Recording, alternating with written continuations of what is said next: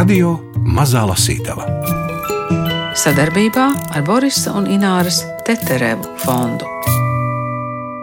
Cilvēks saka, kā tu vari to visu atcerēties?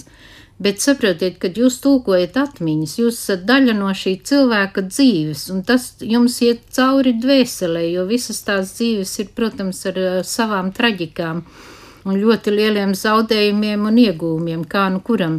Un to nevar aizmirst, tas taču paliek. Un tas saistās ar to cilvēku. Tu esi iegājis viņa ģimenes lokā, un tev viss tur ir pazīstams un viss ir zināms, un tas vairs neaizmirstās. Šoreiz lasītavā esiet gatavi sarežģītiem radurakstiem un atziņai, ka neviens no mums īsti neatbilst klasiskajiem aristokrātijas kritērijiem, nepārvaldām franču valodu un jāšanas mākslu. Un tomēr kopā ar tulkotāju Indru Čeksteri mēs paklajosim atmiņās no vecās aristokrātiskās vidzemes un jautāsim, kā Elzes van Kampenhausenes stāsts nonāca pie viņas. No viņas nonāca pateicoties maniem iepriekšējiem tulkojumiem. Es iztulkoju Herberta Henricha von Blankenhāgena, Allažu un Akenstakas pēcteča atmiņas. Tāda grāmata ir Amrante der Weltgeschichte, kas ir 66. gadā iznākusi vāciski. Un es viņu ieraudzīju vienkārši vienā sarīkojumā, Akenstakā, ko rīkoja Marika Celma, kas tur tādu projektiņu veidoja. Viņa bija nopirkusi Akenstakas ūdens dzirnavs. Un es to grāmatu ieraudzīju noliktu, un vienkārši piestājos un sāku lasīt, un nevarēju atrauties, jo viņš rakstīja par studenta dzīvi tērbatā. Kā viņš brauc studēt, kā viņš studē. Un tas bija tik ļoti interesanti, visas viņu tās studentu izdarības un viss, un katrs, kas pats ir studējis, uzreiz to saprot. Un tad vienkārši Inču kalnā veidoja pieminekli Baltijas Landesvēra kaujai pie Inču kalna, kurā viņi zaudēja starp citu ar sarkanajiem strēlniekiem. Un uh, viņiem vajadzēja aprakstu, un Herberts pats piedalījās tajā kaujā. Un es iztūkoju to inčukā, un tad kaut kā automātiski sāku tūkot uz priekšu no tās stāsta. Pēc tam aizgāju atpakaļ uz sākumu, sāku to sākumu tūkot. Nu, lai varētu grāmatu izdot, protams, jādabūna piekrišana, un es uzzināju, ka tas izdevējs ir Brīvkungs Aksels von Kampenhausens. Arī Von jā, jā, von Kampenhausens, viņš ir ungurmuižas pēctecis. Es ar viņu sazinājos, viņam rakstīju e-pastu, viņš man neatbildēja, un tad pēc jaunā gada man atskanēja telefons zvans. Es domāju pavisam par citiem baltvāciešiem, kas man pašlaik zvana, un runā ar mani tik draudzīgi un uzrunā mani vārdā, beigās vēlreiz pārjautā, vai tiešām runā ar Indru. Es arī atbildu draudzīgā tonī, un tad beigās viņš stādās priekšā, ka viņš ir brīvkungs Aksels un Kampēhausens. Nu, un tad uh, viņš deva to atļauju, atsūtīja rakstisku atļauju, ka var izdot viņu latviski šo grāmatu, ko viņš bija sakārtojis. À, tātad viņš jau bija sakārtojis. Jā, grāmatu. to Herberta von Blankenhāgena mm -hmm, grāmatu. Mm -hmm. Nu, un pēc tam es aizbraucu uz Šveici pie Herberta māsas dēla, Haro von Hiršheita brāļa Arnolda un uh, viņš man iedeva Herberta atmiņas, kas ir dāvināts viņa māsai sudrabkāzās. Par viņu bērnību, par dzīvi akenstakā, par allažiem, par visu, kas nekad nav iznākusi kā grāmata vāciski, kas ir ģimenes manuskripts. Un Arnolds kungs teica, jā, ka es varu arī tūkot to. Un tā ir tā otrā grāmata Blankenhāgenam atmiņas no vecās vidzemes. Nu, un tad vienkārši pa pastu Man pienāca sūtījums no brīvkunga Aksela von Kampenhausen. Es biju ļoti pārsteigta, tāds biezs liels sūtījums. Un es viņu atvēru, un tur ir iekšā Elzas atmiņas. Es biju sajūsmā, es kā atvēru tā, protams, tūlītās neatejot arī lasīju viņas. Nu, un tad es arī sāku viņu tulkot. Nu, un tad uh, Kampenhausen kungs teica man tā, kad viņš man atsūtīja, viņš man teica, ka es varu tulkot, varu, teiksim, arī pēc tam, kad esmu izlasījusi, varu arī nodot uh, Baltiešu centrā, nu, var sakot, brīva rīcība. Un tas bija viena Elzes uh, mazdēla eksemplārs, ko viņš man atsūtīja jo viņas mazdēls ir precēts atkal ar Brīvkunga von Kampenhausena sievas radinieci. Man jau sajūta, kur atraksti. nu, lūk.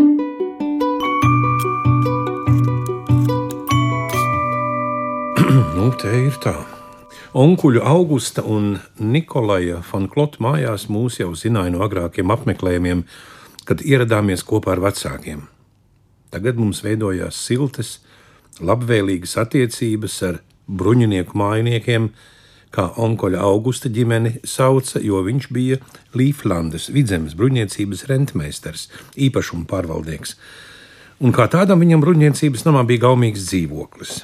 Pie kolas, kur beidzot bija deviņi bērni, mēs arī gājām pie izdevības, taču ar viņiem tā īsti satuvinājāmies tikai daudz vēlāk.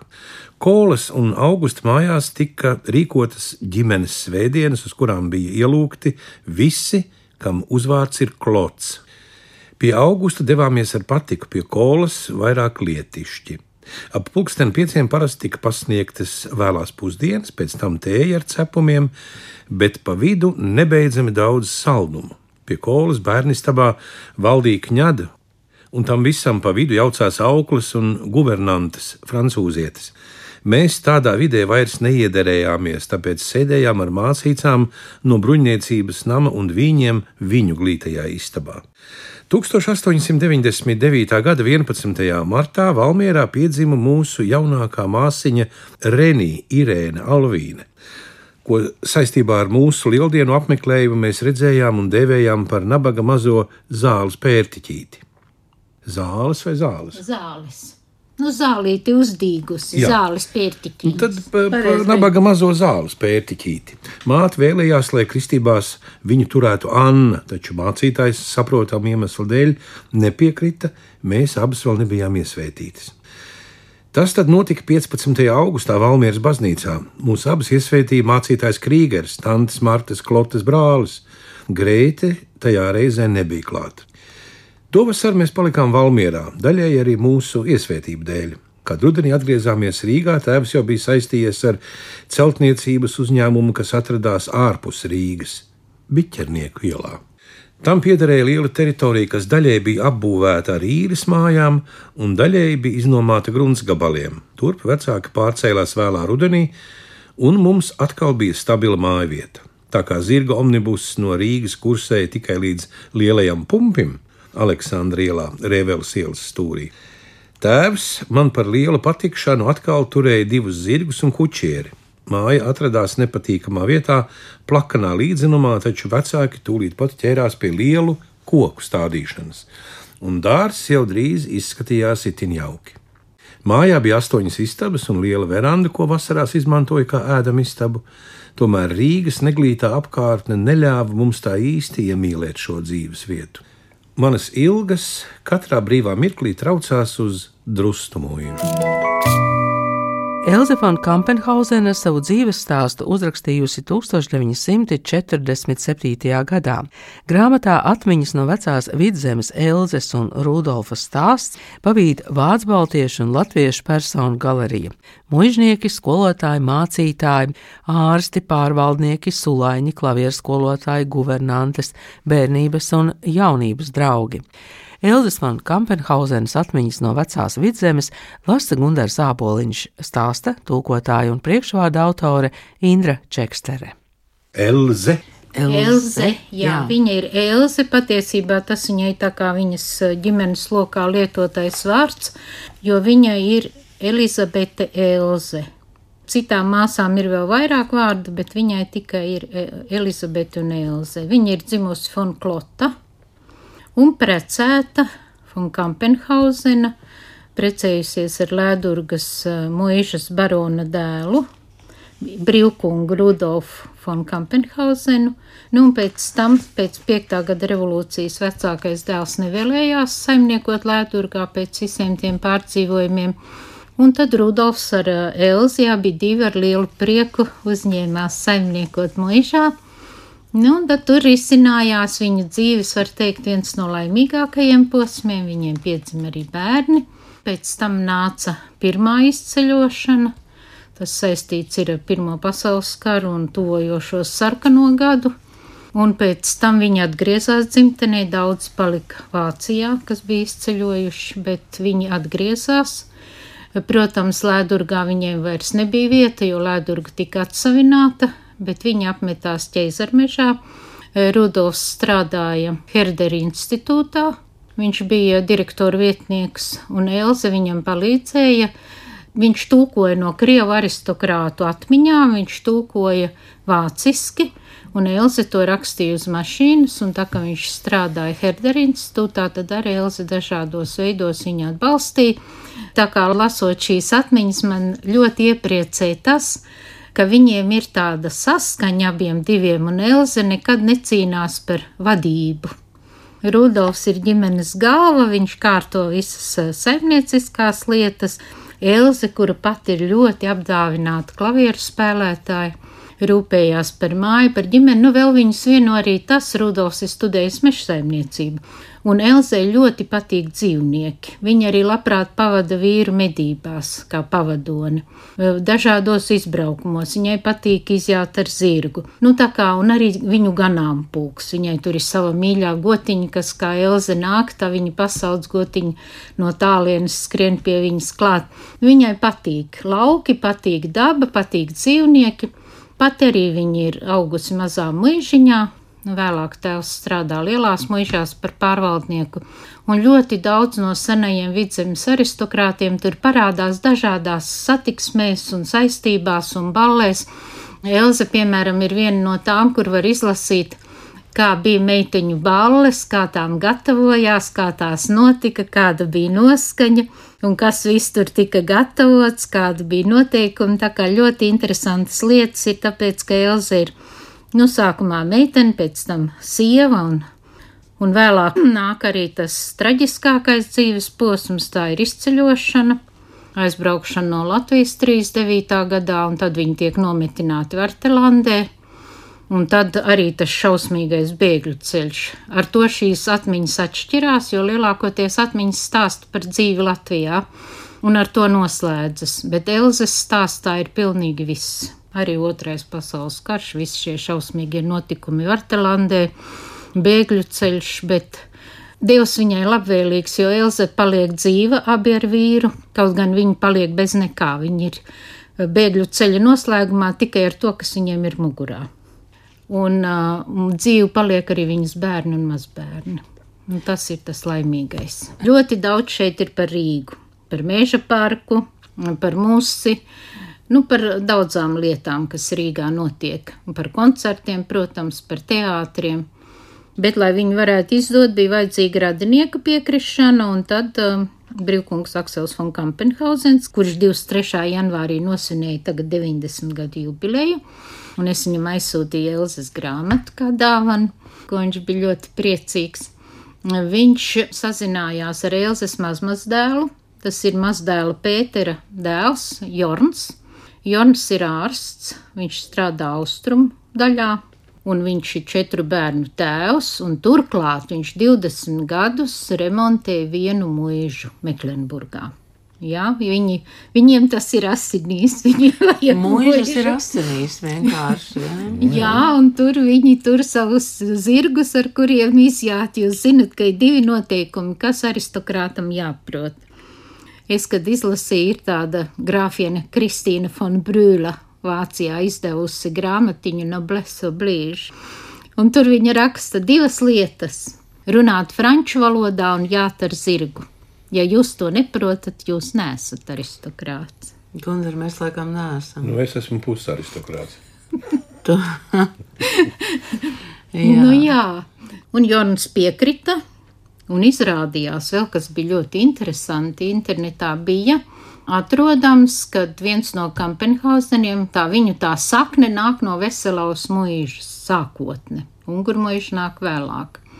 Un uh, tur viens mazdēls, un viņi visi ir radinieki, jo tur bija ģimene ar 11 bērniem, un tad no tās nāk arī Rudolfs.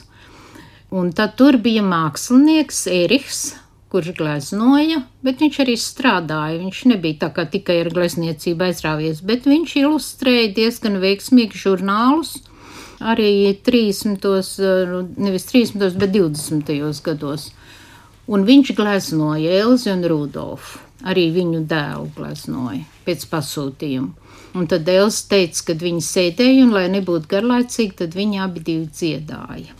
Tā pagāja laiks tai gleznošanā, un tad viņš ar cirkuli mēģināja nomērīt tās elzes to seju, Un tad vienreiz viņa raksta gandrīz izborēja viņai aci to cirkuli, un ka vislabāk no viņas portreta viņam izdevies uh, trīs sarkanie toņi - kleita, fons un roze. -hmm.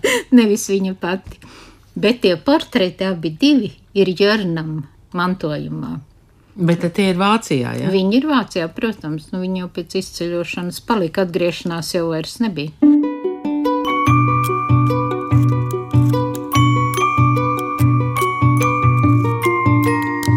Radio Mazā Lasītava.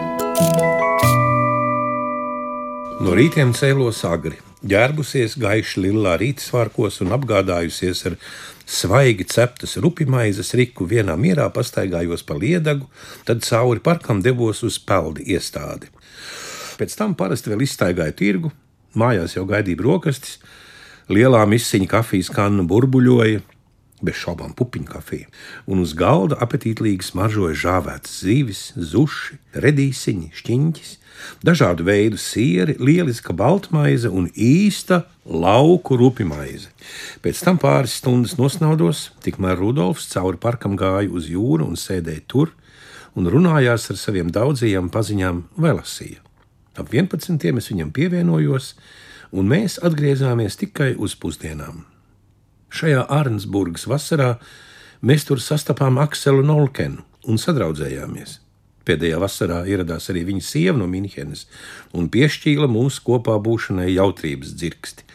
Pirmajā vasarā pie mātes un tantes mājās bija Jūlhenas Bukshēvdenes dēls Oskars, kurš tārbatā kopā ar Eberhardu darbojās korporācijā Livonija.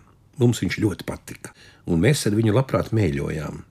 Oskars nopietni interesējās par vēsturi un bija labs pavadonis, kad izglītoti peldviesi vēlējās apskatīt brīnumu jauko Arensburgas biskupa pili. Mēs to bijām redzējuši jau pirms Pirmā pasaules kara. Un sekojām tās iekārtošanai par bruņniecības namu, bet tagad ieraudzījām to izpostītu. Mazajā pilsētiņā bija neskaitāmas jaukas satikšanās vietas. Vispirms jau pludmales kafejnīca, kur pēcpusdienās pulcējās de Otvolē, Kā tur būs ar to franču valodu? Nu, jā, es jau neesmu aristokrāts. Tie otfolē. Nu, atsakot, augstākā sabiedrība. Īsumā. Jā, īsumā. Nu, tas ir tāds franču dialekts, kurā es šeit ierunājos. Reiz es tur satikos ar savu jaunības paziņu Grēti Bukshēvdenu, dzimusi Foncēkela no Rauzes mūžas. Rudolfs un Oskars B gribēja mani sagaidīt mājās un brīdināja neaizkavēties. Tikko mēs ar Grēti B bijām iekārtojušās uz sofas, ieraudzīja abus vīriešus. Viņa deguns pret logu rūtīm saspieduši plakanus izspiegoja mani tā vietā, lai kā džentlmeņi ienāktu iekšā un sasveicinātos ar dāmām. Īpaši jāpiemina kāds Ārensburgietis, mūsu mīļais draugs no Jēnas laikiem, Arvēts von Stakelbergs, kurš mūs sagaidīja ostā un viņa burvīgā ģimene tēvs, brālis Karls Otto, kas spēlē violi, un māsa Karina, kur mūzikas pasākumos ar saviem draugiem vienmēr bija parkā. Arvēts gandrīz katru dienu nāca pie mums, vai kaut kur satikāmies, vai apciemojām viņu vakaros. Es muzicēju kopā ar Karlu Otto, un man vajadzēja spēlēt arī vienai. Pirmajā gadā Malli. Man, lai es varētu vingrināties, bija sarūpējusi Aderkasa jaunkundzes, kura pati bija aizceļojusi Pirmajā gadā malli man, lai es varētu vingrināties, bija sarūpējusi Aderkas jaunkundzes, kura pat bija aizceļojusi klavieres. Vingrinājos katru dienu, un vakaros mēs ar Malli un abām šveices dāmām parasti gājām uz turieni, un man vajadzēja viņām spēlēt. Vēlāk vasarā varēja uzticēt pastorātā, jo mācītāja ģimene te dzīvoja laukos.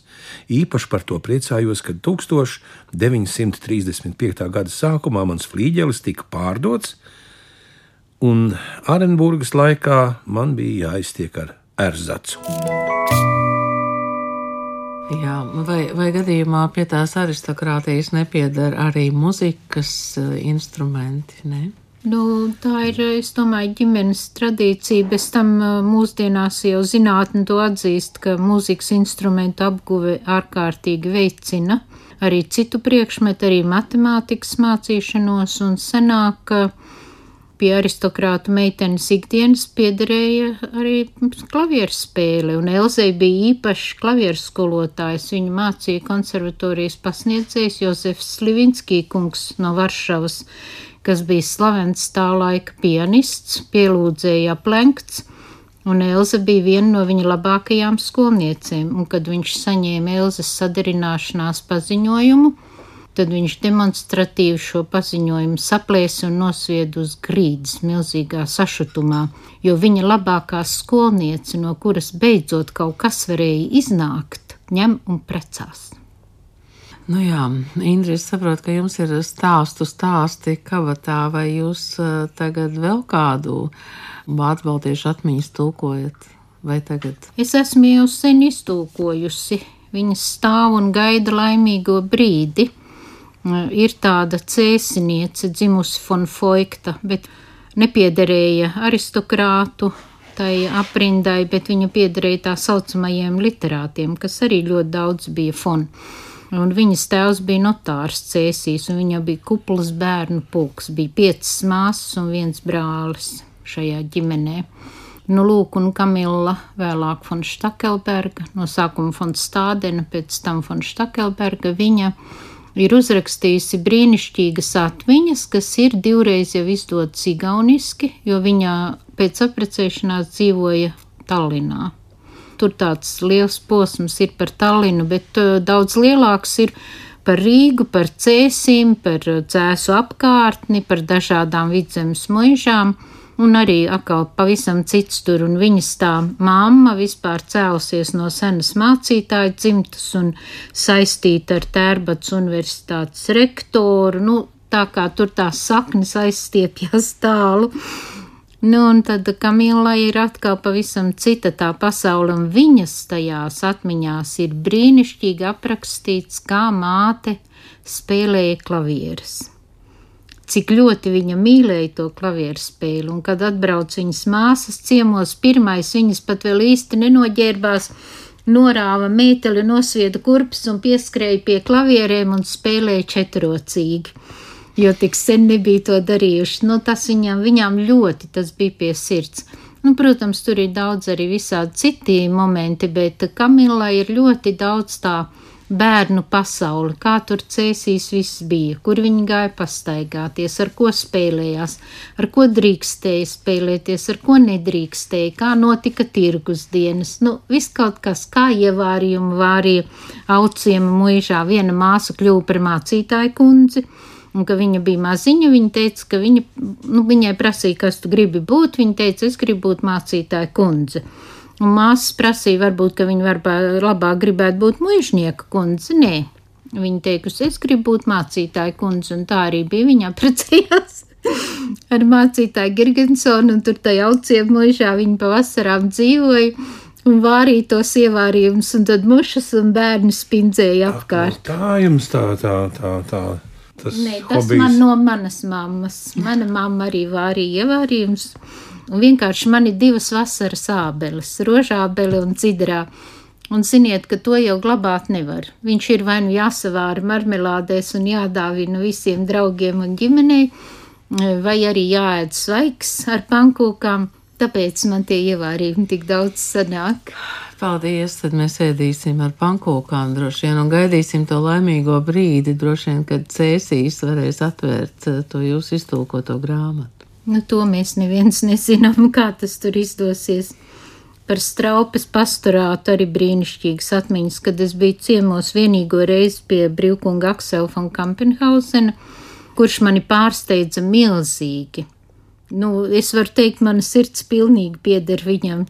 Es atbraucu no Šveices, lūk, no šī Arnolda von Hiršheita ar nakts autobusu. Mēs sazinājāmies, un viņš teica, ka man no stacijas jābrauc ar tramvaju līdz nu, mājai, kur viņš dzīvo. Un es piebraucu, nu bija milzīgi agrs rīts. Viņš jau nezināja, kuru tramvaju, kad es ieradīšos.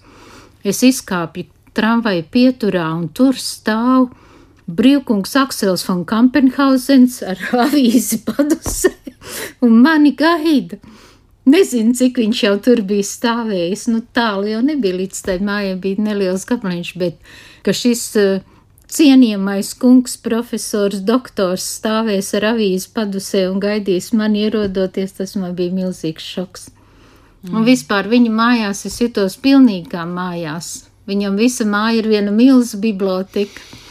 Visos stāvos, ieskaitot pagrabu, visu, viss ir pilns ar lietām. No Baltijas, no Ungurmuļas viņš pats nav vecākais dēls, tā kā ja kas mantojums mantoja vecākais, bet viņš teica, ka viņš ir iemainījis un nu, nu, visādi arī uzpirts un mainījis atkal, kur tikai atrod kādu no dzimtas lietām. Nu, vienkārši apbrīnojami, un kundze viņam arī, viņa gan nāk no Austrumprūsijas, ļoti senas aristokrāta dzimtas, bet, nu, teiksim, Tur ir tas, kā saka, īsts aristokrāts nekad nav iedomīgs un neizrāda nekad, ka viņš ir šis aristokrāts. Vienkārši viņa būtība ir tāda, ka tu jūties laimīgs, ka tu vari ar viņu kopā parunāties un, un vienkārši būt.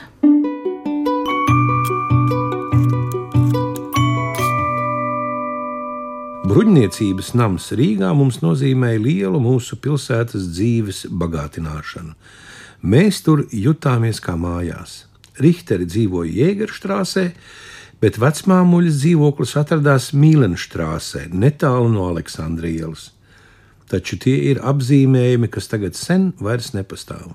Atmiņas par vēstures agrākajiem laikmetiem ir daudzkārt nodzēstas. Jā, tas bija no Elzas atmiņām. Jā. Tas ir um, Rudolfs. Tātad ir Elzas vīrs.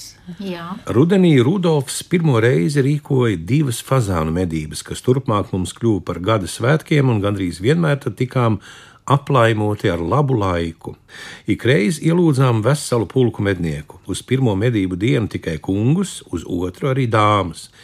Ielūgumi tika rakstīti uz atklātnēm, uz kurām dižojās kāds Annas zīmēts stilizēts fazāns. Veiksmīgākajam medniekam, kā piemiņas velte, vienmēr gatavībā stāvējis sudraba kauss ar Kampenhausenu ģerboni. Pirmās lielās medības notika 1911. gada 6. oktobrī.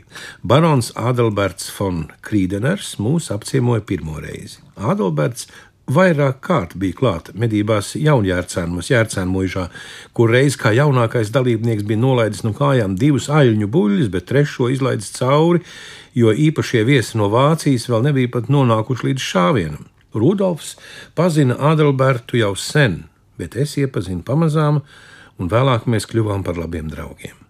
Šie pirmie medību svētki pie mums notika saulainā rudens dienā, lapas vēl bija raibi krāsotas, Brokastis tika servētas birzī uz gara galda, ēdienkarte, kas vēlāk kļuva par tradīciju, sastāvēja no skābiem kāpostiem un kotletēm, bet desertā bija lapu mīklas stopkūciņas, pildītas ar zemeņu zapti un putkrējumu. Klāt pasniedza šnabi un madeiru. Pēc tam es izdalīju šokolādes lindu tāfelītes līdzņemšanai uz mastu. Sākot no brokastīm, es piedalījos medībās līdz pašām beigām ja tur bija Hans Rozens, mans pienākums bija stāvēt viņam blakus, jo viņš nespēja atšķirt fazānu gaili no vistas. Ja Hansam samisējās, man vajadzēja viņu saķert aiz svārkiem, lai viņš nešauj. Es gan viņam ļāvu šaudīties, jo tas viņam sagādāja daudz prieka, taču parasti viņš netrāpīja ne gailim, ne vistai. Tas ir liels traups, barons Hans von Rozens. Ļoti asprātīgs tas teksts arī ir vietām, vai ne?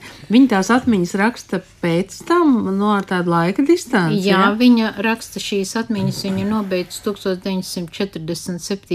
gadā, jūnijā kad viņi ir no austrumu zonas veiksmīgi pārbēguši uz rietumu zonu un kad viņi ir pie saviem bērniem jau. Elzas van Kampenhausenes atmiņas no vecās vidzemes Elzas un Rudolfa stāsts izdevis Madris. No vācu valodas tulkojusi Indra Čekstere, raidījumu veidoja Nora Mitspapa, Agita Bērziņa, Gundars Āpoliņš un Ingvilda Strautmane.